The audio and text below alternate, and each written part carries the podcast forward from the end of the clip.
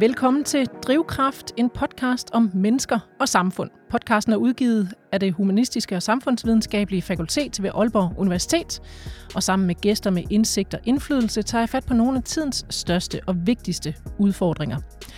Børn- og ungeområdet er nærmest notorisk kendt for at være præget af manglende retssikkerhed for børnene, fejl og mangler i den kommunale sagsbehandling og generel uro og usikkerhed for mange af de involverede børn og deres familier. Men hvorfor er det sådan i et land som Danmark, hvor vi ellers bryster os af høj retssikkerhed?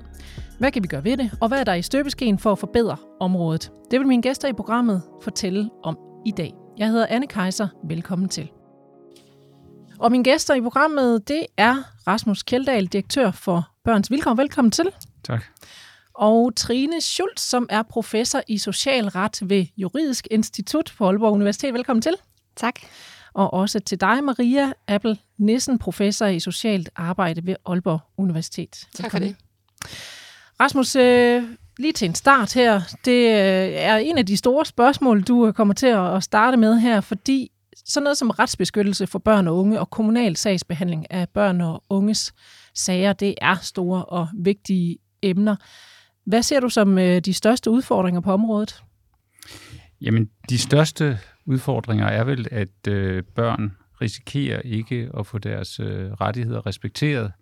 Øh, og øh, der tror jeg, at årsagerne er ikke, kan man sige, ond vilje fra kommunerne og de folk, der er involveret, men det er i høj grad mangel på kompetencer ude i mange kommuner, og det er mangel på ressourcer i, i form af, af mandetimer nok, og der er også i hvert fald nogle steder et uh, problem omkring ledelse og organisering og prioritering internt. Så der er ret mange områder, hvor der kunne ske store forbedringer. Der er områder, hvor der kunne ske store forbedringer, men de er jo alle sammen karakteriseret ved, at det er rigtig dyrt. Det er rigtig dyrt at uddanne folk, det er rigtig dyrt at ansætte nogle flere, og der er desværre også mange steder i landet, hvor det kan være altså, en udfordring at finde folk med de rette kompetencer. Mm. Så, så grundlæggende er det måske øh, et økonomisk aspekt er det, der, der er altså hovedårsagen til, at der er de problemer, man ser. Ja, altså der er et økonomisk aspekt, men, men, men det rækker jo også tilbage til nogle prioriteringer, der er blevet foretaget tidligere i, i forhold til, øh, kan man sige, hvordan organiserer man arbejdet i kommunerne, hvordan prioriterer man det her område i forhold til andre områder, og hvordan prioriterer vi egentlig uddannelsen af de folk, øh, som skal arbejde mm. med de her ofte utrolig øh, komplicerede sager, hvor man jo skal både have stor menneskelig indsigt, en dyb kendskab til en meget øh, kompliceret lovgivning, samt øh, en god følelse af, hvad er det egentlig for nogle tiltag, som kan gøre en forskel øh, mm. for de her børn og familier, øh, som øh, man har i, kan man sige, i det kommunale system. Og det er da helt sikkert noget af det, vi kommer til at tale om i dag. Øh, Trine, hvis vi sådan ser på det juridiske område, så er der øh, store udfordringer der også, mener du. Hvad er det, du ser og oplever på det område? Øh, jamen, lidt i forlængelse af det, som, øh, som der lige er blevet sagt, så, øh, så kan man sige udfordringsmæssigt, ja, så, er der, så har vi set gennem de sidste øh, 20 år mere end det, en, en masse reformer på det her område. Altså, man har, har prøvet løbende at gå ind og regulere for at øh, give mere kvalitet i sagsbehandlingen og øh, gøre øh, hvad det hedder, sagsbehandlingen øh, bedre. Så, øh, så det er sådan lidt et paradoks, at vi sådan i, i mange år har øh, arbejdet rigtig meget med, med reguleringen og reformer, barnets reform og hvad det hedder, anbringelsesreformer og øh, ja, hvad det hedder, der, der har simpelthen været så mange også enkeltstående ændringer, mm. øh, også myndet på børns rettigheder, som vi sådan meget fra 2003 og frem har set rigtig mange øh, hvad det hedder, rettigheder, som børnene har fået øh, i den sociale lovgivning. Øh, men sideløbende med det har vi så også set en masse øh, undersøgelser, rapporter, øh, praksisundersøgelser og øh, udredninger osv., som peger på, at der, der er problemer. Så der har været sådan, sådan en, kan man sige, en paradoks i det her med, at, at, øh, at man har forsøgt gennem lovgivningen at, øh, at rydde lidt op på, på de problemer, der er ude i praksis. Mm. Og jeg ved også, at du mener, at øh, det måske ikke altid er, er lovgivningen, med de, men de øh, kommunale interne regler, der kan være et problem. Øh, hvad, hvad mener du der? Øh, jeg tror, det er meget komplekst. så ja, ja, noget af det, jeg nogle gange stuser over, specielt nu, når vi står med, øh, med, en, med en ny lov, som øh, forhåbentlig snart bliver, bliver fremsat. Øh, men... Øh, men øh, at, at nogle gange så er det faktisk lidt svært at gennemskue, hvad det er for nogle regler, man, øh, man finder problematiske. Er det dem, vi har i den nuværende lovgivning? Er det nogen, der bliver udarbejdet ude i kommunerne? Er det digitaliseringen af sagsbehandlingen, der giver udfordringer, når man instrumentaliserer mange af, af de her regler? Det er jo ikke kun i den sociale lovgivning. Vi har også nogle forvaltningsretlige sagsbehandlingsregler. Øhm, og øhm, Ja, så, så på den måde, og, og hele teamstrukturen kan være meget forskellig i kommunerne. Øh, det kan være øh, det, ledelsesmæssige, det ledelsesmæssige fokus, der er for eksempel på retssikkerhed. Så, så det er bare for at sige, det, der, det er meget øh, komplekst. Ja, det lyder sådan. Ja, øh, så, så det er ikke sådan en ting, man, man måske lige kan skrue på. Men du siger også, det er svært at finde ud af, hvor problemerne ligger hen. Hvorfor er det, altså, hvorfor er det et problem at finde ud af, hvor, hvor de problemer er henne?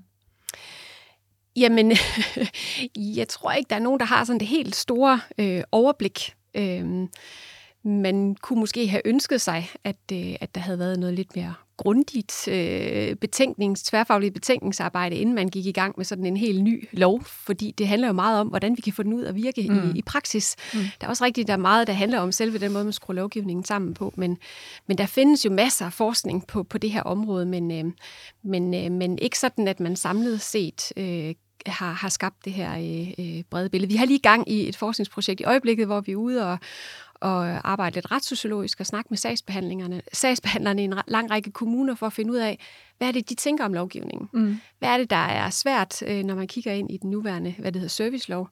Hvad med de almindelige forvaltningsretlige regler? Øh, hvordan spiller det sammen med det, det sociale arbejde osv.?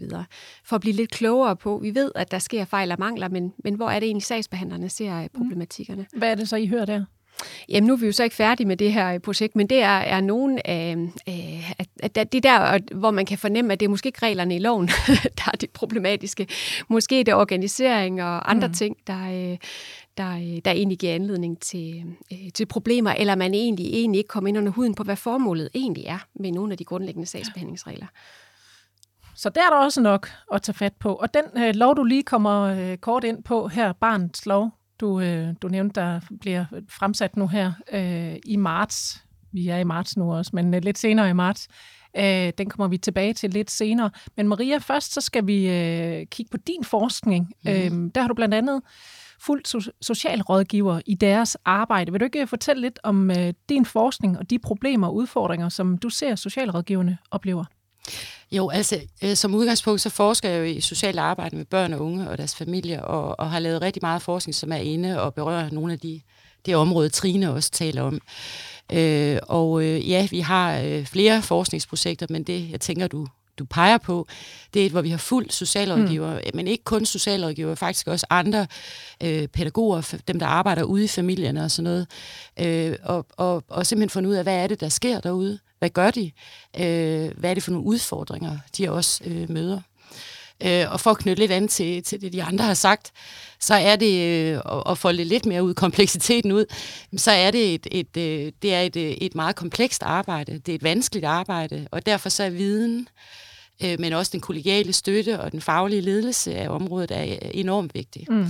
Øh, for at gå et skridt videre, så de familier, man arbejder med, de børn, der lever i de familier, det er jo ikke, det er jo altid et eller andet, hvor der er nogle, øh, nogle udfordringer, nogle støttebehov osv., og det er en, øh, det er et, det er et øh, kompliceret og også øh, krævende arbejde at være øh, socialarbejder på det, mm. på det område. Så, øh, så kompetencer, som du var inde på, øh, Rasmus, og i forhold til det at have gode kolleger, altså gode kolleger og god faglig ledelse, det er jo noget af det, vi kan se, øh, er rigtig, rigtig vigtigt. Mm. Også øh, i mødet med øh, sådan mere øh, hardcore økonomiske forventninger, der kan være ude i kommunerne. Mm. Så, så, øh, så, så det er det, jeg er optaget af. Jeg er optaget af, hvad er det, de gør, øh, socialarbejderne, øh, og hvordan er de, de handskes. Og min forskning går faktisk også, øh, zoomer også rigtig meget ind på det her med, når de møder øh, de svære sager, og, og, og de kan være svære ikke nødvendigvis kun fordi det handler om et, et barn, der for eksempel skal anbringes, men det kan være konfliktfyldte sager. Øh, og hvad sker der med, med, med barnet i den sammenhæng? Mm. Øh, hvad er det for et fokus, øh, socialarbejderne har? Så, så hvis vi ser på de her børn og, og unges øh, sager og, og det hele det område, så er det altså et, et meget udfordret område, øh, lyder det til. Hvorfor er det egentlig det, når det kommer til sagsbehandling? Hvorfor er det ikke øh, alle mulige andre områder, der, der er så svært ramt som det her? Hvis jeg tager en anden vinkel, end, end det de andre har talt om, så kan man sige, at det er jo et, øh, det er et relationsarbejde, der også foregår. Samtidig med, at det er retligt reguleret, og at det er et, et, øh, et politisk spørgsmål også, hvordan er det, man, man styrer det her område, så er det jo et relationsarbejde, der mm. foregår også i frontlinjen. Og, øh, og det arbejde, det er jo med mennesker. Det er med børn. Øh, øh, meget forskellige artet og, og meget forskellige typer af, af udfordringer, de her familier har. Øh, og, og børnenes øh, liv, mm. kan man sige, og det at, at få dem på banen, øh, tage udgangspunkt i, øh, hvor de er henne i deres liv, det er også en udfordring. Ja. Så, så øh, øh, jeg tænker, at der, der er udfordringer på forskellige niveauer mm. i, det her, øh, i det her område her. Rasmus, øh, noget af det, der forfærder dig øh, og, og rigtig mange andre, det er mængden af sager, hvor børnenes rettigheder ikke overholdes. Øh, børns rettigheder de bliver simpelthen tilsidesat eller overset. Øh, det er lidt forskelligt, hvad det er, der sker. Og det er jo rent faktisk ikke lovligt. Det er, øh, det er lovbrud. Hvordan kan sådan nogle øh, lovovertrædelser finde sted, uden man ser nogle særlige konsekvenser af det? Ja, det, det kan man egentlig godt undre sig øh, vældigt over. På, på mange andre øh, områder, så straffer vi jo meget hårdt, og stadig hårdere faktisk her i, i samfundet, når nogen begår en overtrædelse. Øh, men, men realiteten er jo, at, at, at mange af de her øh, fejl, og det kan være små formelle fejl, men det kan også være meget graverende fejl, at de får egentlig lov at, at passere upåtalt. Og jeg tror, der er flere grunde til det. Øhm, for, for det første er der jo i mange af de her tilfælde en eller anden form for skøn involveret, et fagligt skøn. Mm. Og der har vi set, at de sager, der har været ført, at det sætter domstole og klageinstanser sjældent spørgsmålstegn ved. De, de fokuserer meget på det formelle, er der blevet sat kryds og afholdt den eller den samtale, men om det faglige skøn måske er helt ude til årene, øh, det, det, bliver, det bliver der sjældent sat, øh, sat spørgsmålstegn ved. Og det er jo, kan man sige, det, det, det skøn og korrektheden af det er jo faktisk ofte det aller, aller mest afgørende for, mm. for sagsbehandlingen.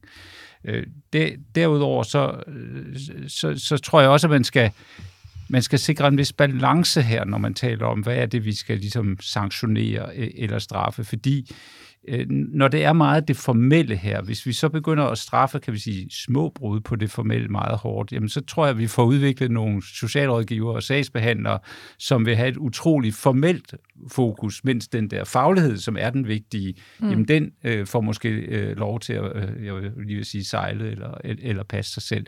Så det der med at finde den balance, øh, det er vigtigt.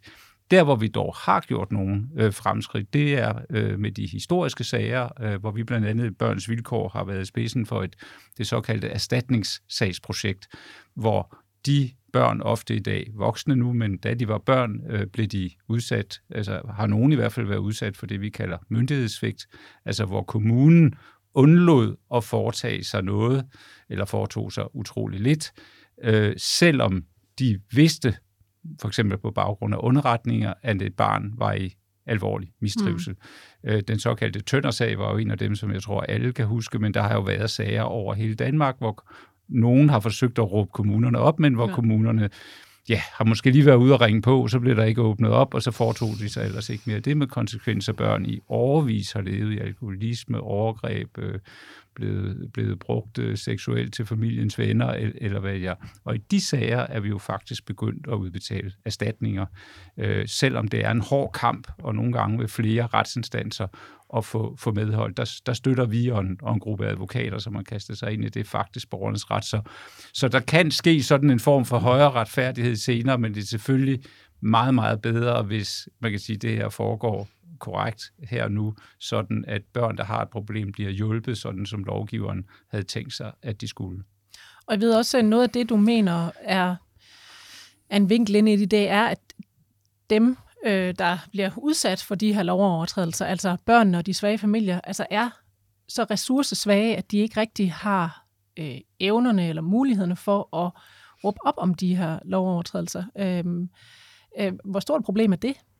Jamen, det er jo et stort problem på det her område, og også mange andre steder i, i samfundet, at øh, der er ligesom en, en gruppe borgere, som har øh, adgang til, øh, til medier og klageinstanser og kan formulere sig på den rigtige måde og kender nogen, der er ansat øh, ved en avis eller, eller noget af den stil. Øh, og, og de får en meget, meget stor øh, platform i samfundsdebatten, og, og det er der, der bliver rykket, hvis, hvis man hører fra nogle af dem. Mens den her gruppe borgere, vi snakker om, jamen de har ikke, de har ingen erfaring for, at det nytter øh, at klage. De kan ikke råbe nogen op. Øh, de formulerer sig øh, tit måske på en måde, så, så de ikke rigtig er, er, er, er interessante for medier og, og, og snakke videre med, og der virkelig kræves nogle meget, meget ihærdige journalister, dem er der heldigvis også nogle af en gang imellem, men, men, men for at grave de uretfærdigheder ud. Så det der med, at man egentlig ikke er i stand til at og, og, og agere på en måde, så man kan få sine rettigheder. Det, det gør selvfølgelig også, at, at det bliver billigere eller konsekvensløst at, at køre den type borgere mm. over. Mm. Og der er børn selvfølgelig særligt svagt, fordi de, de skal jo ofte have nogle voksne til at råbe op for sig, og i, i sådan nogle familier, der er udsatte, der er de voksne jo heller altså er jo også sjældent i stand mm. til at, mm. at kunne gå videre og sige, hov, øh, min rettighed er overtrådt, og nogle gange kender de jo ikke engang deres rettigheder. Og andre gange har de måske heller ikke lyst til at råbe for højt op om sager? Jeg, jeg, jeg tror, der kan være øh, rigtig meget på spil her, men, øh, men, men, men, men, men summen er det, er det altså, at, at, at man ikke får råbt op, og dermed bliver man heller ikke en af de sager, som, som medierne og derefter politikerne ønsker at, øh, at, at, at tage op. Der er det ligesom den højere middelklasses øh, stemme er langt, langt kraftigere i, øh, i, i medie og det politiske billede. Men, øh, men Trine, har man egentlig et overblik over, hvor, hvor mange sager det handler om, altså, øh, som, som ser de her overtrædelser, altså hvor, hvor, hvor det simpelthen ikke går lige øh, igennem sådan ifølge loven? Ja, ja, jeg tænker, at, øh, at det nok også er vigtigt lige at, at kigge på, hvad det er for nogle typer af fejl og mangler, fordi at... Øh, det er måske ikke sådan helt øh, korrekt, men jeg vil sige, så måske tre kategorier. Den ene er det, dem med, med det manglende, øh, den manglende tilsyn, svigtet, det manglende handlen på underretninger, mm. de gamle sager, som er blevet til en, lang række erstatningssager, hvor slagelsedommen var den, var den første, øh, hvor at, øh, at der er tale om, øh, om øh, et svigt, som, som fører til, hvad det hedder, øh, udbetaling af erstatninger fra kommunerne. Øh, og øh, og det handler om, ja, om manglende handlen øh, på den, øh, hvad det hedder, øh, tilsynspligt, man har som kommune. Så har vi en anden gruppe sager, som måske handler om øh, sagsbehandlingssvigt. Øh, det er dem, der har været en masse øh, undersøgelser på. Noget af det, det er synligt igennem sager, der går igennem systemet, altså omgørelsesprocenter. Det har været meget på handicapområdet. Vi, vi, vi ser, øh, hvad det hedder, har set, øh, hvad det hedder omgørelsesprocenter, altså hvor at, øh, at man underkender øh, de afgørelser, der bliver truffet i kommunerne. Men der er også mange, der er usynlige, fordi det er frivillige foranstaltninger. De kommer egentlig ikke igennem klagesystemet, men, øh, men det kan være praksisundersøgelser for Ankestyrelsen, det kan være borgerrådgiver, der laver interne undersøgelser, eller kommuner selv, der foranstalter de der undersøgelser. Det kan være taskforces fra Ankestyrelsen. Der er jo masser mm. øh, steder, man kan kigge hen i dag. Øhm, altså et eksempel, det er jo, det er jo i, i Københavns Kommune lavet, øh, øh, ja, det er jo ved at være en del år siden, der lavede borger, borgerrådgiveren i, kommun, øh, i kommunen, en, øh, Johan Busse, en undersøgelse, og, øh, og der var fejl i 100 procent af, af sagerne, altså de 77 øh, sager. Men det er jo selvfølgelig for, meget forskellige karakterer, øh, de fejl, så det er jo korrekt. Så i den kategori, kan man sige, der kan være øh, rigtig alvorlige øh, sagsbehandlingsfejl, og måske mindre øh, fejl. Men, øh, men generelt er det fejl, som ofte fører til, at sagen har ikke været tilstrækkeligt oplyst til, at man har haft et, et, et ordentligt grundlag at træffe afgørelsen på. Så det har jo været væsentligt øh, ofte. Og så er der den sidste kategori, som ofte sådan er, er endnu mere øh, under radaren, og som ombudsmanden har, har været inde og kigge på, for eksempel i Guldborgsund-sagen og Odense-sagen osv., hvor man bliver tippet øh, i forhold til, at kommuner bruger usaglige hensyn, altså typisk økonomiske hensyn. Mm. Altså at, øh, og det kommer altså op fra ledelsesniveau, at øh, man kan blive helt overrasket over den manglende respekt, der kan være i forhold til, øh, at, øh, at det er øh, faglige vurderinger, at man ikke bare kan begrænse, øh, hvad det hedder, foranstaltninger til en per familie, når der står i loven, at det, at det, at det sagtens kan være i kombination, og at man skal dække behovet osv eller at man hjem øh, tager børn, som, øh, som retteligt burde være anbragt. Og her er problemet jo særligt i forhold til børnene, fordi forældrene vil formentlig ikke klage over for hjemgivet et barn, og hvis barnet ikke selv har en alder, der gør, at man har klageret eller ved det, jamen så er det kun, hvis det dukker op øh, på den her måde, at man bliver bekendt med det. Mm. Så jeg ved godt, det bliver bare endnu mere komplekst, men det er bare, at, at der er jo forskellige typer af, af, af lovbrud, øh, og øh, øh, ja, og, og øh, som har for, forskellige forklaringer, og der er forskellige øh, måder at, øh, at imødegå de problemer på. Og nu nævner du selv den her øh, stikprøve øh, undersøgelse i Københavns Kommune, som ligger nogle år tilbage. Øh, så kan man jo undre sig over, altså slet og ret, at det ikke er blevet rettet op på. Hvorfor er det ikke det endnu?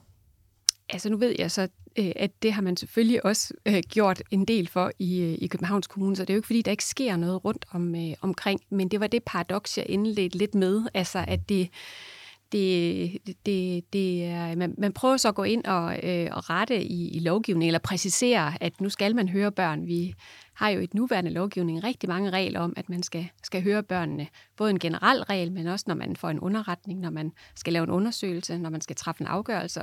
Og det er jo nogle regler, der er dukket op, fordi man ikke synes, at man har inddraget børnene tilstrækkeligt. Mm. Men er det den rigtige måde at løse det problem på? Nu mm. står jeg jo som jurist og kigger på, på lovgivningen. Den kan jo også blive ret kompleks. Men, øhm, og så bliver det sådan et pendul med sådan en afbiokratisering, så fjerner vi alle de specielle regler og laver en regel, og så fortsætter det hele forfra. Så mm. det, det bliver lidt pessimistisk, men, men det, det, jeg tror, der er nogle andre ting, der skal til, end at man bare går ind og ændrer øh, reglerne. Mm. Maria, hvordan påvirker det øh, sagsbehandlingerne og, og de involverede i de her sagsbehandlinger, når, øh, når man ser, at der er så mange fejl i, i øh, sagerne? Det er jo svært at sige helt præcist, hvordan øh, den enkelte eller en afdeling, hvordan det påvirker, men jeg, jeg er sådan set ret sikker på, at den opmærksomhed, der har været på øh, det, og også på vigtigheden af at have viden om børn og unge, og vigtigheden af at være dygtig til at øh, spare om øh, de sager, man har, det at reagere rettidigt osv., øh, det, det er noget, der er blevet løftet de senere år. Mm. Og det er jo ikke det samme som, at der ikke sker fejl. Øh, der vil jeg egentlig godt tage lidt ind i det, som, øh, som Rasmus sagde, med, med, med forholdet mellem regulering og skøn. Fordi øh, det er klart, øh, tingene har jo vist, at der er behov for en regulering. Og ikke mindst i forhold til det her med at faktisk få barnet inddraget mm. og, og så videre. Øh, men vi ved også fra international forskning, at hvis man kommer for meget derover, så, øh, så risikerer man også, at man får den modsatte effekt. Øh, fordi man bliver mere optaget af i praksis at rette ind efter det, man nu skal, mm. øh, end faktisk at foretage nogle kvalificerede skøn baseret på viden. Ja. Øh, der kan man så sige, øh, og det er blandt andet noget den engelske forskning, der viser det øh, i brugen af de systemer, som vi også bruger ude i kommunerne i dag til at lave sagsbehandling og sådan noget. Øh, det, der er vigtigt, det er jo det en anden kontekst. Jeg synes, vi har ret gode forudsætninger for at kunne gå ind og arbejde med øh, sagsbehandlernes viden på det her område. Øh, den ledelse, nu det, det er sagt flere gange, ikke? altså den kultur, den faglige kultur, mm. den ledelsesform, øh, der er, er det en faglig, altså en ledelsesform, der understøtter faglighed og, og en stærk faglighed i forhold til det her. Det er noget der, hvor jeg tænker, vi kan, vi kan gøre noget mm. stadigvæk, og, og hvor der stadigvæk er et stykke arbejde at gøre.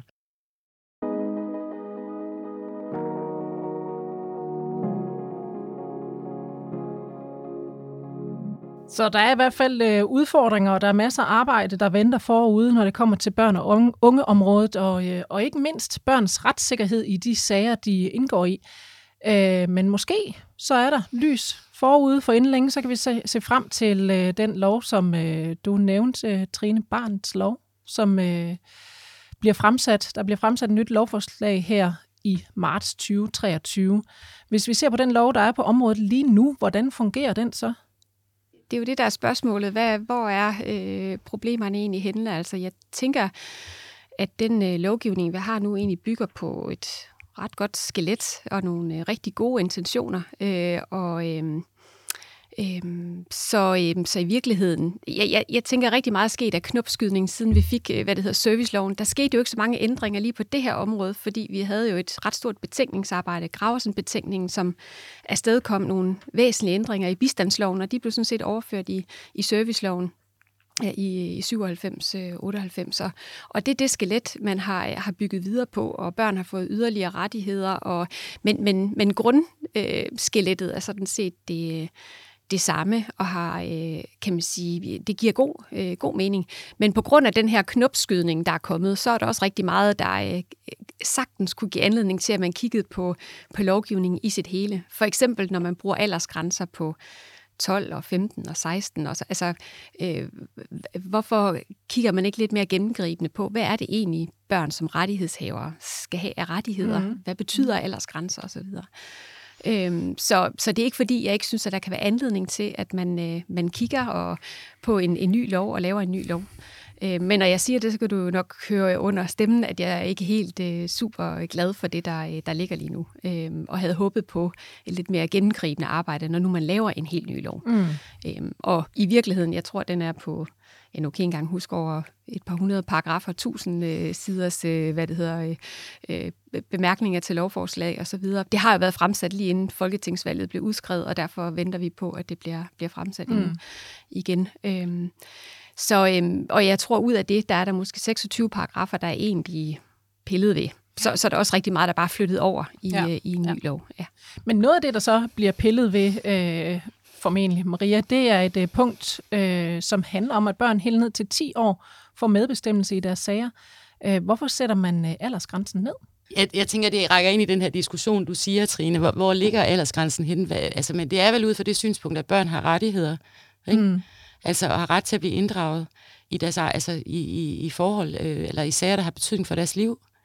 Øhm, og øh, jeg tænker, at øh, grunden til, at den ligger ved 10, det kan jeg ikke give nogen særlig grund til, fordi i udgangspunktet, så tænker jeg jo, at, at børn, uanset hvad, skal have en stemme øh, i forhold til det arbejde, der bliver lavet. Det er dem, det handler om.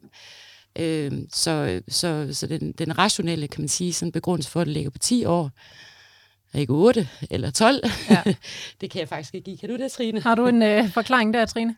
Nej, altså vi har faktisk en, en forsker, der har siddet og, og skrevet om, om aldersgrænser og børns rettigheder. Og det sjove er, hvis man kigger rundt i de forskellige lovgivninger, så er det jo tilfældigheder, eller fordi det gjorde man et andet sted og sådan nogle mm. ting. Så, så det er mm. det, jeg sådan efterlyser lidt. Det er ikke fordi, jeg, jeg tænker ikke, jeg synes, det er børn, øh, det giver rigtig meget fornuft egentlig at, øh, at sætte aldersgrænsen ned til, til 10 år. Men man kunne stille et spørgsmål, hvad med dem, der er under 10 år? Mm. Betyder de så, de slet ingen rettigheder har? Lige præcis. Altså hvis vi skralder de her særrettigheder væk, hvad har børn så egentlig af, af rettigheder? Hvad følger af børnekonvention osv. Og det er det, jeg efterlyser lidt, det er, at man egentlig øh, får gået lidt mere ind og taget stilling til det. Det er jo ikke kun i den sociale lovgivning, at børn har, har rettigheder. Hvordan spiller det sammen med, med andre vigtige lovgivninger på, på mm. det her område? Men, øh, men Rasmus, her vil det jo så også være oplagt at tage dig med, tage dig med ind, fordi øh, en, en aldersgrænse på 10 år, øh, hvis jeg tænker på mig selv som 10 år, jeg gik formentlig i fjerde cirka, ikke? Var det ikke der? 3. 4. klasse, der, kom, der, går man, øh, ja, der er man 10 år. Hvis jeg tænker på, at jeg i den alder skulle forholde mig til en sag, jeg er en del af, det tror jeg ikke, jeg lige sådan umiddelbart vil være i stand til. Hvordan skal man få børn altså ind i de her sager og få en stemme i de her sager her?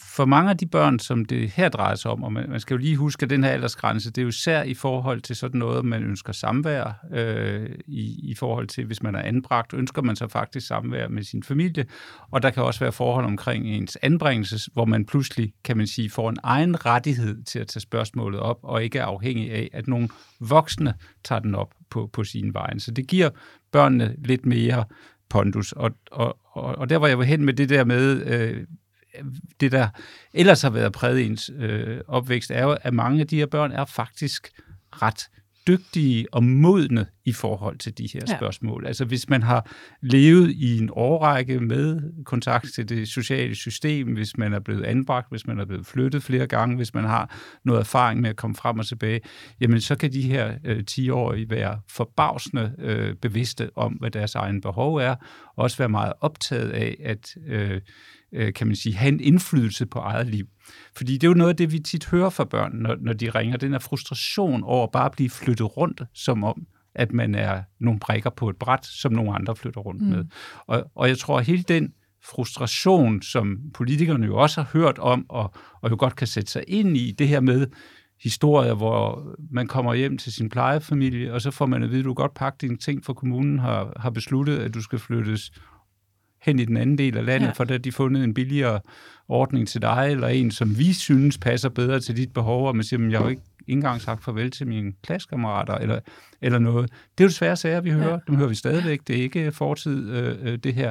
Så det her med at, at, at give børnene en stærkere stemme, det er bestemt noget, vi støtter.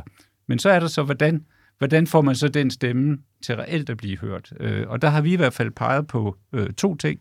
Øh, for det første har vi jo i forvejen en bisideordning i børns vilkår. Der er også andre bisideordninger, skal, skal jeg lige sige, hvor børn får ret til en bisider. Og en bisider er jo, kan man sige, en veluddannet, dygtig voksen, som hjælper barnet med at få formuleret sine behov, og hjælper barnet med at blive hørt i møder. Så det, så det kan være sådan noget, der gør, at børn både bliver opmærksom på deres rettigheder, men også bliver i stand til at udtrykke det, og i stand til at, kan man sige, overskue konsekvenserne af at udtrykke det. Så det tror vi er helt afgørende, at mm. der bliver mulighed for, at disse børn får en bisidning. Det andet, vi har peget på, det er en, altså oprette en ny funktion, en, en børnerettighedsrådgiver ved kommunerne, sådan at, at børn får, får ret til en, kan man sige, en uafhængig rådgivning, altså uafhængig af den konkrete sag, de er i, om deres rettigheder. For mange børn, de bliver jo smidt ind i det her, uden at vide noget om deres rettigheder. Og det er klart, at hvis du har været en udsat familie, så vil du jo altså så er du ikke nødvendigvis klar over, at dine rettigheder bliver, bliver overtrådt. Altså børn, som lever i familier med vold, for eksempel at vokse op i det,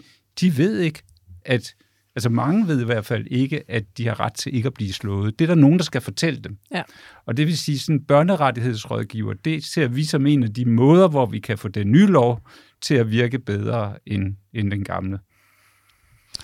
Kan man, Trine, kan man lige frem sådan på juridisk plan gå ind og sikre børn på den måde, at de ned til 10 år øh, altså får deres stemme igennem? Ligesom den her rådgiver her, altså man, at man sikrer, at det skal børnene have i sagerne. Ja, altså jeg synes, der er en væsentlig pointe, at det er forskellige. Vi kører jo stadigvæk også med aldersgrænser på 12 og 15 i samtidig. Altså, så, så derfor er det lidt svært bare at sige 10 år. For eksempel bisider, der er jo ikke en aldersgrænse øh, på, øh, så, så det er også dem, der er under 10 år. Det, det er bare, det er...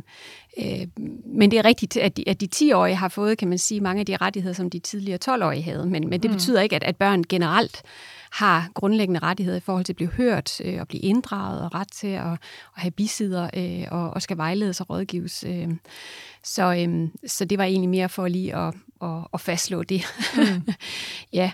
Øh, i forhold til nogle af de her nye regler, altså jeg har faktisk ikke jeg, jeg, jeg kan ikke helt gennemskue det, det må jeg sige, men, men der er jo kommet nye typer af rettigheder, altså anmodnings, altså man kan anmode om noget, som, som noget af det Rasmus er inde på. Jeg vil jo sige, det følger allerede af, at når man inddrager øh, børnene og deres synspunkter skal tillægges vægt, øh, så skal man selvfølgelig tage det seriøst, hvis de har et, et, et, et, et ønske i forhold til samvær eller anbringelse. Mm. Så derfor ser jeg slet ikke det. Jeg synes, det er fint med en præcisering, men, men hvad er det så for den rettighed retligt set? Det er jo ikke noget, man kan klage over, så er det heller ikke noget, der egentlig forpligter til, at man tager sagen op, hvis der ikke er... Så, så de får sådan nogle ja, det er det. Hvad, børnene skal jo også føle, at de får nogle rettigheder, at det ikke ja. bliver sådan nogle pseudo-rettigheder, og det er måske ikke den bedste til som jurist helt at kan gennemskue, hvad konsekvenserne er af det. Så, øhm, så jeg, jeg, jeg synes, det er lidt, det bliver lidt spændende at se med den her, øh, med de her forskellige typer af, af rettigheder, børnene får, mm. som jo er meget procesrettigheder. Men hvad er egentlig de indholdsmæssige rettigheder, ja. som de her ja. børn får? Mm. Det kan jeg godt øh, være lidt i tvivl om, når jeg kigger på lovteksten. Ja, jeg ved ikke, Maria, om det er noget, du øh, har en kommentar til. Jo, jo, jo. Du er altså... lidt øh, tættere på sagerne. Øhm, hvordan, hvordan sørger man for, at det ikke bliver sådan en pseudo-rettighed, øh, som Trine taler om her? Altså de formelle rettigheder og de, de regler, der er, de skal selvfølgelig overholdes, men, men i praksis, der er det jo vigtigt, at man også formår at inddrage børn og unge, øh, også selvom de ikke er blevet 10 år. Mm. Øh, og noget af det, der er udfordrende og vigtigt, det er øh, at kunne det. altså sådan lidt enkelt sagt, ikke? Egentlig ja, ja men, men det er jo rigtigt. Men det kræver nok. noget viden om børn og unge. Det kræver også en evne til at gå ind og snakke med børn og unge, hvis det er det, eller se, hvad der sker i børn og unges liv. Øh, og nu nævnte du lige samvær, for eksempel. Jeg er lige ved at starte et projekt, et forskningsprojekt opstøttet af Veluxfonden, som kigger på samvær, øh, og som er interesseret i at også undersøge, kan vi udvikle fagligheden rundt omkring samværet. Mm. Øh, og det er det samvær, øh, som børn har, hvis de er anbragt uden for hjemmet. Øh, det samvær, de har med deres biologiske forældre, som kan være for eksempel støttet eller overvåget af en fagperson. Mm. Og, øh, og det, øh, altså nu er det jo helt nyt, det her projekt, og det er, der findes faktisk ingen dansk forskning sådan rigtig om det øh, på det område. Øh, det, som vi er optaget af, det er netop, øh, hvordan er det øh, selvfølgelig barnets stemme kan få en plads i det her. Måske også blive en drivkraft for noget faglig udvikling, fordi de fleste vil jo gerne gøre noget, der er godt øh, for de her børn. Mm. Øh, hvordan kan det, kan det også være med til at skabe nogle nye samarbejdsformer, hvor at, øh, der ikke opstår så mange konflikter, fordi det er også tit konfliktfyldte øh, sager, der er der, øh, og, og som jo også kan risikere, at barnet står og, hvad skal man sige, stemmen forsvinder i, ja. øh, i mange hensyn og mange Desværre. konflikter osv. Ja. Noget af det, som øh, vi også har optaget, det er, den, altså ud over den formelle inddragelse, hvilken indsigt har øh, de personer, der arbejder med barnet om det her i barns liv? Kan det være relevant i forhold til det her med samvær? Og den anden del, vi er interesseret i, det er, hvordan vurderer man egentlig, om det her samvær det er godt for barnet? Meget kort spørgsmål. Virkelig, virkelig svært, og faktisk noget, som øh, kommunerne også, øh, de partnere, vi har med i projektet, øh, har været med til at stille det her spørgsmål. Mm. Fordi at, øh, øh, hvilken rolle spiller det her samvær med forældrene i barnets liv øh, nu, på sigt? Øh, hvordan virker det på barnet at ses med sine forældre? Øh, og det er jo en del af det, der, altså hvis vi snakker om barns lov, som jo ligger i det her, sådan den mere formelle, ja. kunne man sige, sætning om, at man har mulighed for, at barnet for eksempel har mulighed for at suspendere øh, samværet i en periode. Hvordan støtter du op om det? Hvordan ved du, øh, hvad der skal ske? Mm. Ikke? Hvordan får du faktisk det frem i, i arbejdet med børn? Så der er selvfølgelig at spørge børn, men der er jo også at have en indsigt i det konkrete barns øh, liv, mm. øh, og hvordan barnet har det. Og det er jo hele sagsbehandlingen, du er inde i der. Ja, øh, eller arbejdet med ja, det. Ja. Ja. Øhm, men så står jeg og tænker på noget, som, øh, som Rasmus øh, fortalte mig, da jeg talte med ham øh, forud for programmet, nemlig det her med, at der er ekstremt stor udskiftning i øh, personalet inden for de her sagsbehandlinger her. Hvordan påvirker det de sager her? Altså, øh, øh, hvis vi snakker om, at det er vigtigt at have viden og, og faglige øh, kvalifikationer og, og, og på det her område her, og også have en kultur, hvor man arbejder sammen, fordi det er noget af det, vi også ved fra forskning, der er vigtigt, øh, om svære, øh, komplicerede sager, så er det jo et problem, hvis der er for stor udskiftning. Mm. Øh, fordi der går øh, noget viden tabt. Øh, det skaber også, øh, øh, hvad skal man sige, forudsætninger for at have de her øh, hvad skal man sige, faglige dialoger og en kontinuerlig sådan udvikling af det, det, det er jo helt afgørende, at du har øh, medarbejdere, som, øh, som, øh, som ikke øh, fluktuerer eller flytter ja, for ofte. Ja, det giver sig så, selv. Så det er en helt, altså, en helt klar årsag til, at det også kan være et problem. Og øh, altså de her overleveringer her, der måske går tabt, når der øh, starter et, øh, en ny sagsbehandling, øh, en ny sagsbehandler osv., ikke? Altså, at det simpelthen kan komme til at bremse sagerne, eller at man mister øh, noget viden, eller noget hensyn, eller hvad det nu kunne være. Ikke? Ja, det tænker jeg sådan overordnet, du kan sige, at det, det er rigtig, rigtig vigtigt, at, at det er, er til stede. Ikke? Og så kan det variere lidt afhængigt af, hvad, hvad snakker vi om? Altså mere specifikt, mm. ikke? er det et barn, der er anbragt uden for hjemmet, eller er det en børnefaglig undersøgelse, vi er i gang med her? Eller, hvor er vi henne i, øh, i, mm. i arbejdet? Ja. ja, det kan det nemlig. Øh, så, øh, men, men generelt set, så, så, så mener jeg, at det, det er helt afgørende, at, at man, man arbejder fagligt og, mm. og vidensbaseret, kan man sige, med, med de her ting. Ja. Rasmus, der har du en kommentar her. Ja, altså jeg, jeg, jeg synes, det er et rigtig vigtigt tema, det her med, man kan sige, udskiftning af, af, af, mm. af sagsbehandlere. Altså, vi taler med mange børn, specielt uh, vores bisider, der jo har nogle af de sådan lidt mere langstrakte uh, sociale sager, uh, hvor, hvor børn fortæller os, at nu har de været måske uh, i, i, i systemet i, i 10 år, og de har haft flere sagsbehandlere end 10. Altså, mm. at de, de, de aldrig ser den samme person to ja. gange, for eksempel. Ja. Øh, og det er selvfølgelig et problem for kontinuiteten, fordi når man ser nogle af de her sagsmapper, så er der jo tusindvis af sider, og det er jo klart, at, at kommer der en ny ind på området, der ligger måske 30, 40, 50 sager, som man skal tage sig af, 1000 sider i hver sag eller i nogen. Man får jo kun læst de sidste akter. Og det vil sige, men det kan godt være, at man burde have læst øh, dem alle sammen, men det får man sjældent mulighed for. Og det vil sige, at man kan meget let overse ting i barnets historik, øh, og man kan let komme til at for eksempel i gang sætte foranstaltninger, der har været prøvet, eller som hvis man havde kendt barnets øh, historik, var åbenbart øh, forkerte eller, eller, eller utilstrækkelige. Så, så, så der ligger noget rigtig vigtigt her. Vi møder øh, ofte i familieafdelinger, og jeg skal bestemt ikke sige det sådan der alle steder, men det er meget tit vi hører om familieafdelinger, hvor ancieniteten er under et år, altså mm. gennemsnitsancieniteten er under et år. Det er så de nyuddannede socialrådgivere, som får de der jobs, fordi det er der, der er stillinger i kommunen.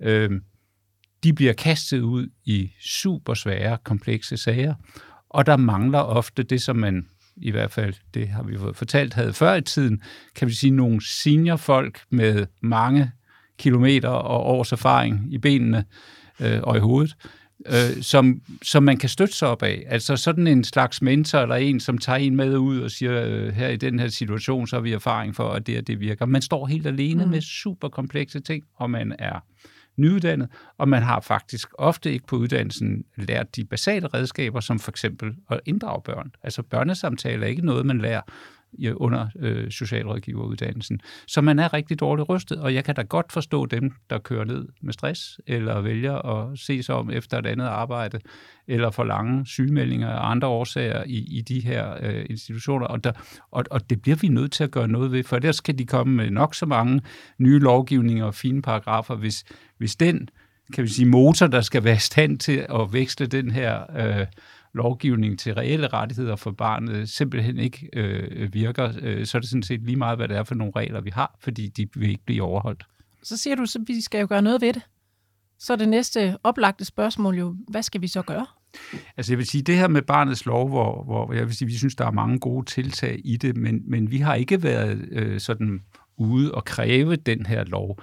Jeg, jeg tror, den er lidt et tegn på, at det, som man kan finde ud af på Christiansborg, det er at lave lovgivning. Så det er det, man har gjort. Man, man har sagt, der er et eller andet ude i, i landet, der ikke fungerer. Det kan vi læse i aviserne, det hører vi og forskellige undersøgelser og øh, dokumentere. Hvad er vores rolle? Det er at lave lovgivning. Så strammer de op på lovgivningen, men jeg er sådan set meget inde i, i det, som Trine også er inde på, at det er lidt svært at se, hvad man kan med den nye lov, som man ikke også kunne mm. med den gamle. Altså problemet ligger ude i at vækste lovgivning om til en konkret virkelighed. Øh, så, så det er jeg meget bekymret for. Ja. Altså det her med, hvad sker der i kommunernes øh, maskinrum? Det, hvis jeg ligesom skulle vælge, hvor indsatsen fremover øh, skal, skal, skal rettes hen, så er det der. Mm. Og der bliver man jo også nødt til at se på økonomi og økonomiske rammer og prioriteringer, og der er ikke nødvendigvis så mange stemmer i at sikre gode forhold for de mest udsatte borgere i, i kommunen. Der kan være andre ting, som optager borgmestre og, og byrådsmedlemmer meget mere end penge til det område, som er svært og utaknemmeligt, men som jo altså er en kerneopgave mm. for kommunen. Så er vi tilbage ved økonomien igen, som øh, vi også øh, startede ved. Men, ja, øh, hvis jeg lige må sige, det ja. med økonomien er lidt mere komplekst, fordi det er ikke bare sådan, at man skal sætte nogle flere penge ind i det her, altså som at, have dyre foranstaltninger.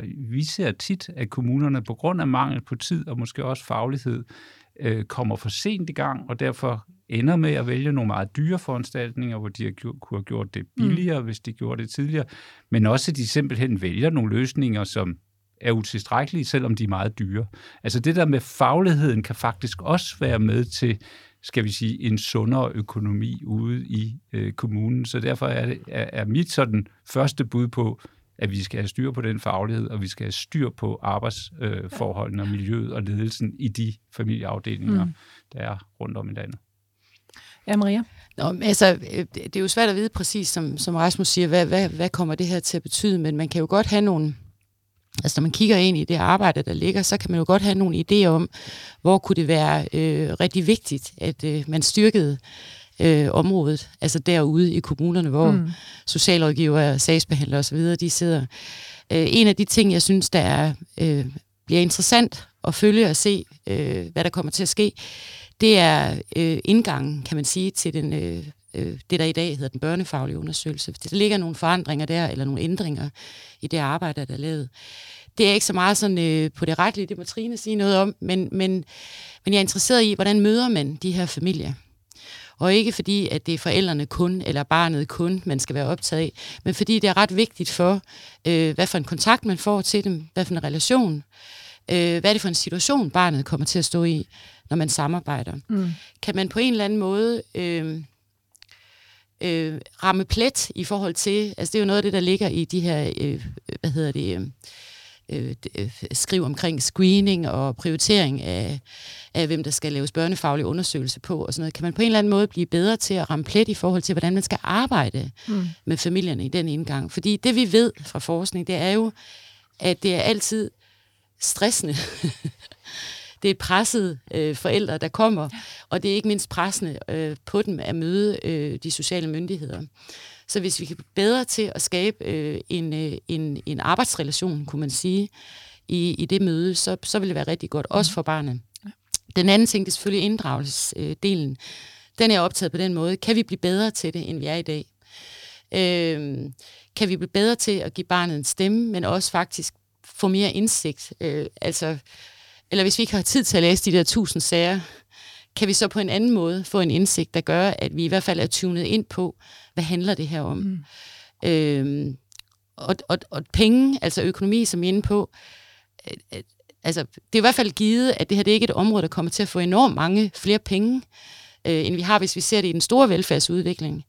Så står vi over for nogle kæmpe udfordringer mm. i velfærdssamfundet, ikke? med den demografiske udvikling osv. Ikke?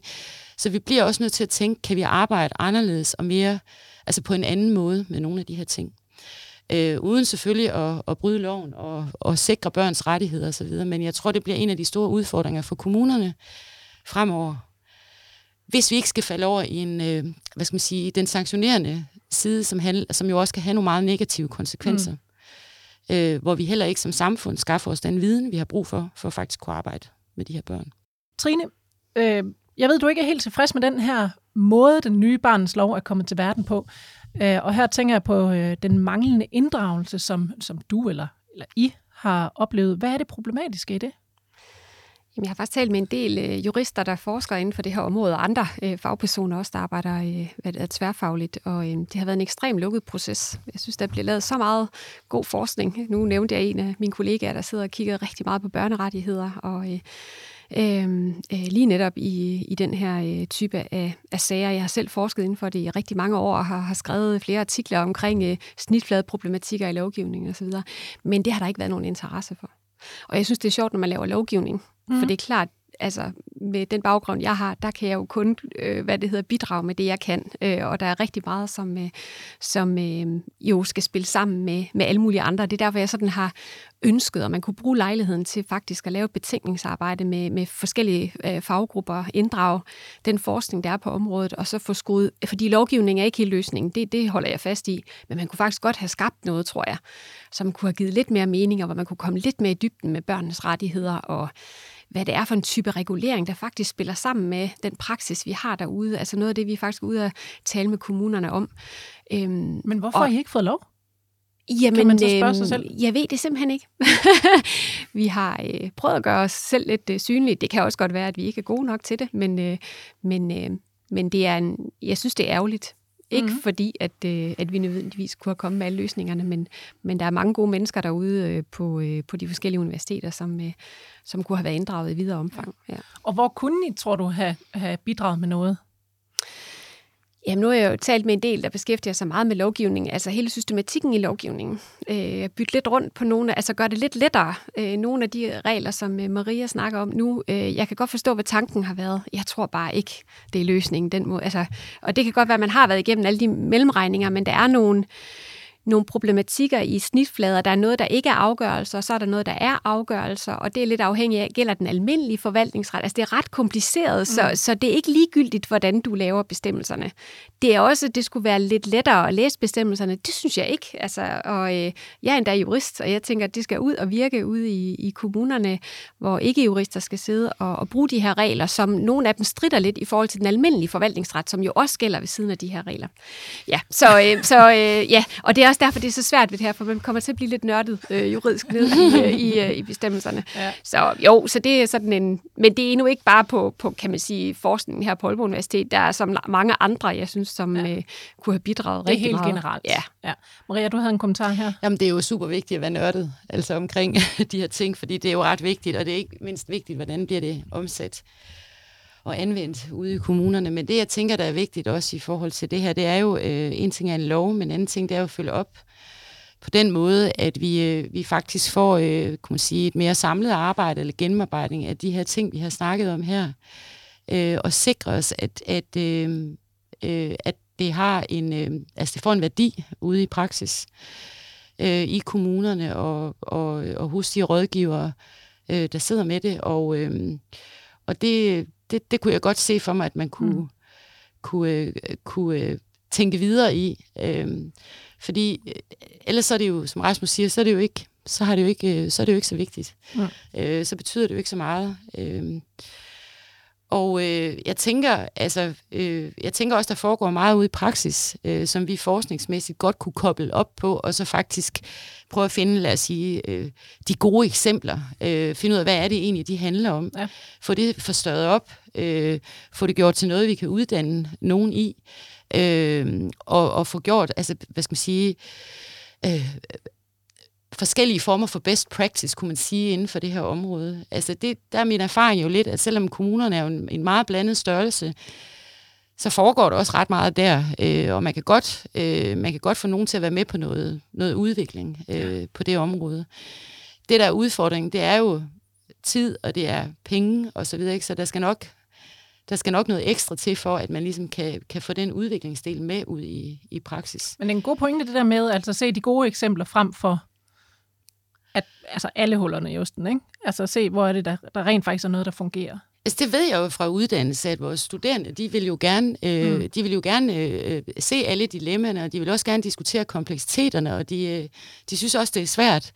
Øh, så hører de noget, eller lærer lidt om børnesamtale, som Rasmus siger, men, men de når jo ikke at få prøvet det på den måde. Det er jo noget, de skal ud og, og, og hvad skal man sige, styrke sig og blive, altså opbygge kompetencer til, når de kommer ud i praksis. Og det kan godt være, at der skal noget andet til der, men ude i praksis, der tænker jeg, det er vigtigt, at man, man får, øh, får udviklet nogle gode modeller for, at man kan, mm. man kan arbejde mm. med det her med, med barnets lov. Øh, og så kan det jo godt være, at der er nogle ting, hvor man finder ud af, hmm, det har man ikke arbejdet så meget med, eller det har man ikke lige tænkt igennem fuldstændig, men det kunne man jo godt sætte en proces ja, i gang og blive klogere på, øh, også med, altså både med praksis, men også med forskning. Ja. Øh, og, og med dem, der har, øh, hvad kan man sige, beslutningskompetencen og, og indflydelsen på det område. Rasmus, øh, nu bliver du talt om, at, at barns lov ikke er øh, kommet til helt på den måde, som, øh, øh, som Trine og Maria kunne ønske sig. Er du enig der, eller er det simpelthen bare den her måde, man skaber en lov på? Øh, jeg er øh, virkelig enig i det synspunkt, øh, at det er gået alt øh, for hurtigt. Øh, og, øh, og jeg tror simpelthen bare, at øh, der har været et øh, politisk ønske om, at det skulle gå hurtigere, at man kunne øh, få vedtaget noget inden for en regeringsperiode. Det nåede man så faktisk ikke, fordi øh, valget kom lidt før man havde beregnet, og fordi det trods alt var mere kompliceret, end man lige havde forestillet sig at pille ved den her lovgivning. Jeg tror, vi skal se det som, at der blev holdt en nytårstale øh, tidligt i den forrige regering, og, øh, og det vil hun gerne levere på, øh, inden øh, regeringsperiode var om. Mm. Det tror jeg simpelthen, at det, øh, der var tilfældet. Og vi oplevede sådan set også, at øh, embedsmændene, og, og, og de er meget dygtige, men øh, klart har også brug for input, men, men meget tidligt begyndt at skrive. Øh, jeg kan sige, Børns Vilkår har måske øh, kan vi sige, nogle ressourcer, der har gjort, at vi har kunnet sidde lidt på skødet af embedsmændene, og vi har fået nogle ting til gennemsyn og sådan noget på tidligere, så vi har selvfølgelig forsøgt at bruge vores viden, øh, men den er jo også bare vores viden, og, det, og, og jeg er øh, bestemt ikke blind for, at der var øh, meget yderligere input, som kunne have kvalificeret mm. lovgivningen. Når det så er sagt, så vil jeg sige, øh, der bliver masser at gøre, når den her lovgivning skal ud og virke, også for forskerne og, og input. Fordi netop det her med at finde ud af, hvordan, hvad er så den mest hensigtsmæssige måde at få vekslet øh, øh, lovens øh, intentioner om i bedre trivsel for børnene. Det er jo det helt afgørende. Og, der, og jeg vil sige, det er ikke et område, der er præget af for meget forskning. Altså, det, det, der er faktisk ikke ret meget. Øh, der bliver gjort nogle rigtig gode input og, og forsøg, men, men samlet set er der jo ikke mange af de her tiltag, som hviler for eksempel på solid evidens for, at man gør noget, man ved virker.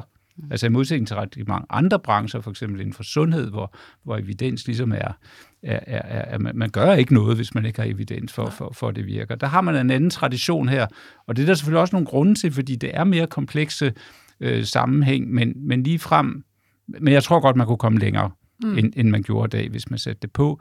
Øh, så er der også noget på den måde, vi organiserer os på herhjemme, hvor kommunerne ligesom er den centrale øh, aktør, øh, det gør, at der egentlig er nogle barriere for vidensoverførsel. Altså selvom en kommune finder måske den perfekte løsning på det her, så er det ikke noget, som sådan særligt systematisk bliver overført på en måde, så andre kommuner kan bruge det. Øh, mange gange er der sådan lidt en attitude, hvor vi hører, om det kan godt være, at det virker i kommune X, men vi er anderledes. Vi gør det på vores måde, og vi har en meget bedre måde at gøre det på. Så det er sådan lidt nogle isolerede kongedømmer, som har hver deres øh, syn på, hvad der er god øh, socialpolitik og, og, og, og gode inddrev. Og selvfølgelig skal der være noget kommunal frihed og selvstyre, men kan vide, om vi ikke kunne organisere det her øh, bedre. Der er noget, en rolle for Socialstyrelsen. Jeg ved, Maria arbejder med på et øh, projekt, som Børns Vilkår også er en del af, med at, at lave bedre børneinddragelse. Men jeg tror også, at du vil være enig i, at øh, når vi så er ude og besøge kommunerne, også dem, som virkelig gerne vil, at der er rigtig lang vej hjem her. Og, øh, og det er så kun nogle af landets kommuner. Hvordan kommer vi egentlig ud til resten? Og det er kun på et område, nemlig et meget vigtigt område, men, men, men børneinddragelse. Mm. Så jeg vil bare sige til forskere og professorer og kommende studerende og PUD'er og hvad det ellers er, det er et kæmpemæssigt uopdyrket land, det her, for, mm. for forskning i ting, der rent, rent faktisk virker inden for det sociale område. Ja, og undskyld, men det, det, det er jo rigtig nok, der er lang vej igen på det område, altså komme helt derud, ikke? men det er også noget, der tit mangler, at man mm. følger det op med, og faktisk få det til at virke i praksis, og blive klogere i praksis på, hvad er de gode løsninger. Så, så det er jo lige præcis det, jeg håber, at, at man måske kunne, kunne gøre, hvis man ikke kunne være med på forkant, så kan man måske tænke det på bagkant.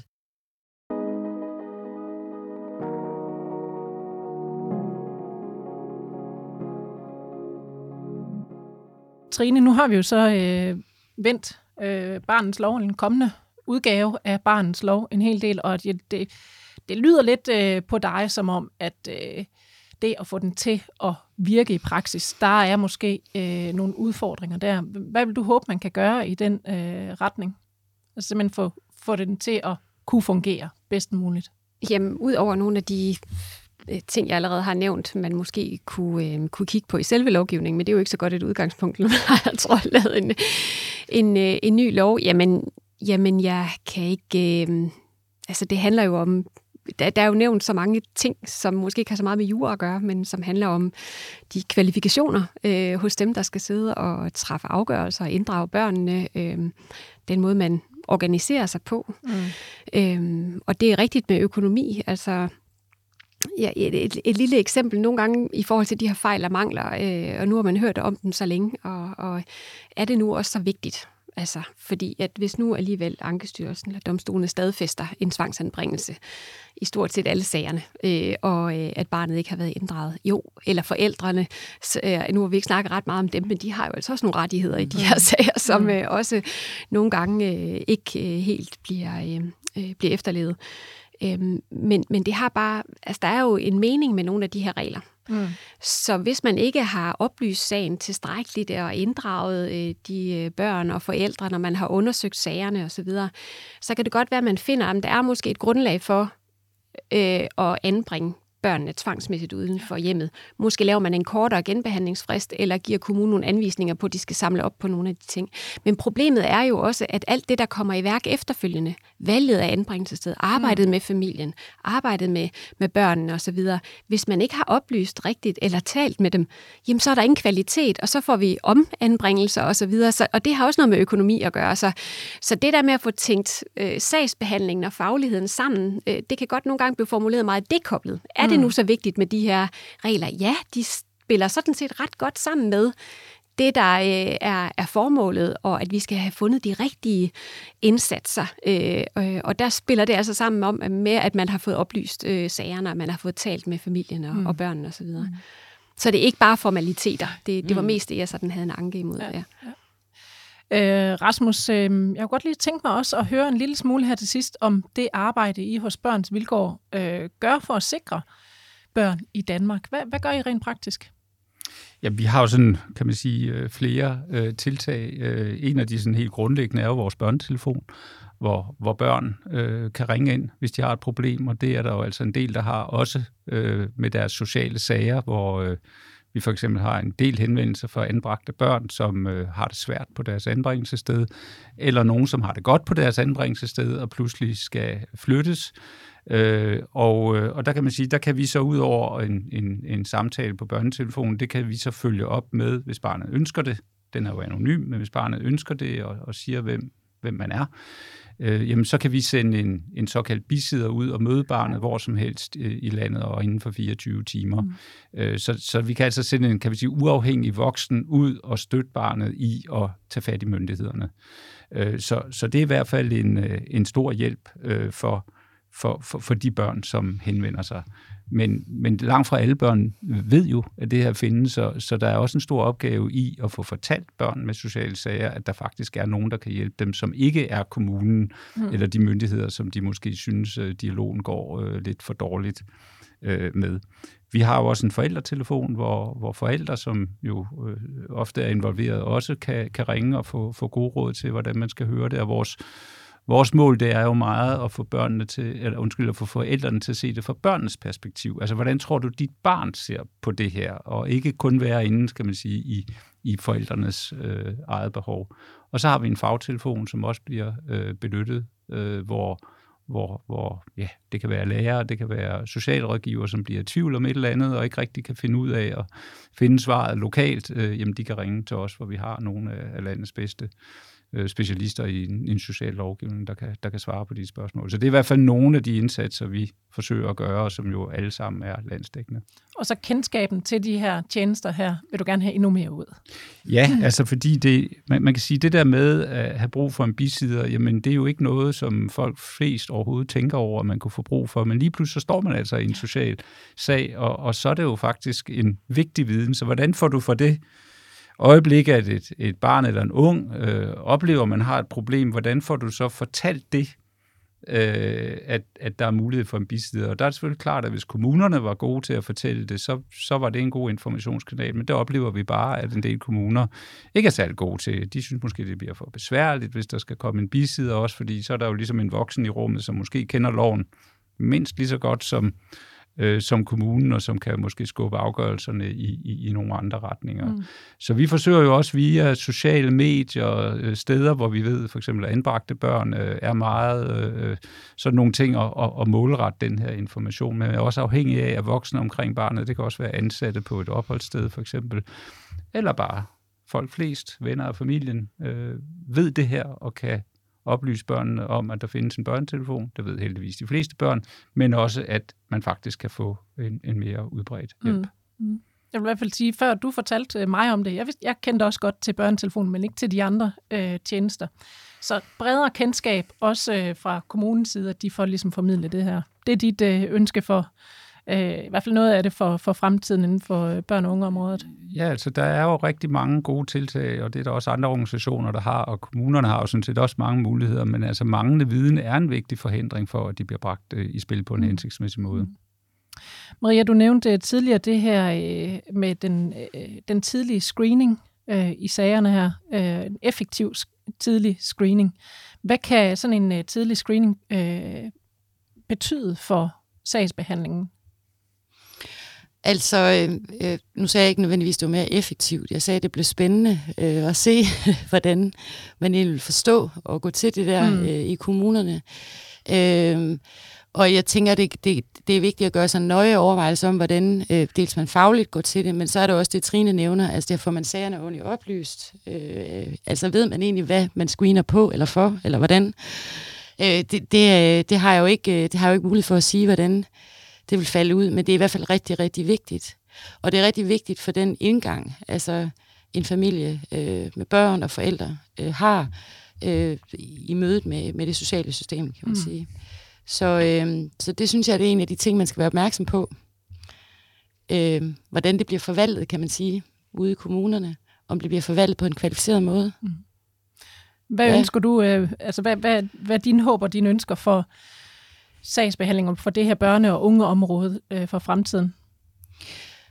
Sådan helt bredt, jamen altså, jeg håber jo, at det, jeg håber jo, at vi kan øh, være med til at styrke det her område. Øh, som forsker, så er vi jo optaget af at producere viden om det. Og som Rasmus sagde, så er der jo ikke, øh, vi mangler jo faktisk rigtig meget viden øh, på rigtig mange helt centrale områder. Så det vil vi jo gerne være med til. Men vi er også interesseret i at lave øh, viden og forskning, som, øh, som knytter sig meget tæt til, også går i dialog med, med for eksempel kommuner, mm. øh, som er interesseret i faktisk at arbejde med at forbedre deres faglige arbejde med det.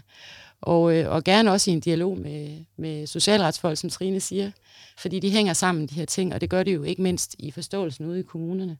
Så, øh, så, så det er jo det, jeg håber, at øh, altså dels, at vi kan være med til, men jeg tænker også, det er vigtigt, øh, at man faktisk øh, går ind og siger, at man laver en barns lov. Altså det er jo ret stort, tænker jeg, og mm. det, det bliver man jo nødt til at følge op på og sørge for, at man faktisk får et grundlag for at bringe det ud, få implementeret og få kvalificeret hele området. Og det, det er jo en større udfordring, end, end sådan man lige måske tænker over. Men det er det. Det er en kæmpe udfordring. Og et kæmpe arbejde. Jo, jo, men vigtigt mm. øh, er det. Det er i hvert fald et øh, virkelig stort og vigtigt og spændende område, det I har øh, kredset om i dag. Øhm, og vi kunne jo blive ved med at tale. Det må blive øh, en anden god gang, håber jeg. I skal i hvert fald have tak, fordi I vil være med i programmet i dag. Rasmus Keldahl, direktør for øh, Børns Vilkår. Så har vi Trine Schul, som er professor i socialret ved Juridisk Institut ved Aalborg Universitet, og Maria Appel Nissen, professor i social arbejde ved Aalborg Universitet. Tak fordi I var med i dag. Tak fordi du var med. Tak. Og også tak til dig, der lyttede med. Husk at gå ind og abonnere på podcasten i din podcast-app, så du ikke går glip af tidligere og kommende afsnit. Og der kan du også skrive en kommentar til podcasten, eller give den stjerner, hvis du kan lide det, du hørte. Jeg hedder Anne Kaiser. Tak for nu, og på genhør.